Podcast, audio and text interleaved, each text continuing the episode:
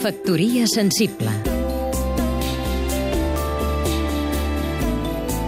Sergi Dòria, periodista i expert en comunicació. Tradició o plagi. Cada dia estem fent d'improvisats vigilants. Comprovem si la ciutat continua tal com la vam deixar el dia abans.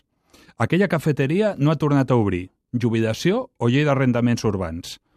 La Barcelona que s'entesta en la memòria de 1714 no té cap mania en deixar perdre les botigues que li atorguen personalitat. Des que va tancar la llibreria Canuda, la llista de condemnats creix a mesura que avança el calendari.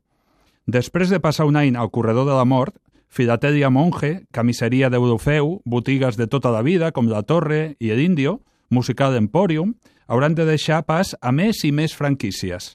La pastisseria La Colmena i el Colmado Quílez han evitat de moment la sentència del lloguer multiplicat. De les botigues on es respirava tradició, els espais kits amb respiració assistida. Com deia Xenius, allò que no és tradició és plagi. El que estem fent amb els comerços històrics és com aquell que va vendre el cotxe per comprar benzina. Alguns diran que és la lògica d'un mercat, però si l'administració no intervé amb més convicció, esdevindrem un parc temàtic com hi ha tants al món. Llegeixo La vida és estranya de Valentí Puig.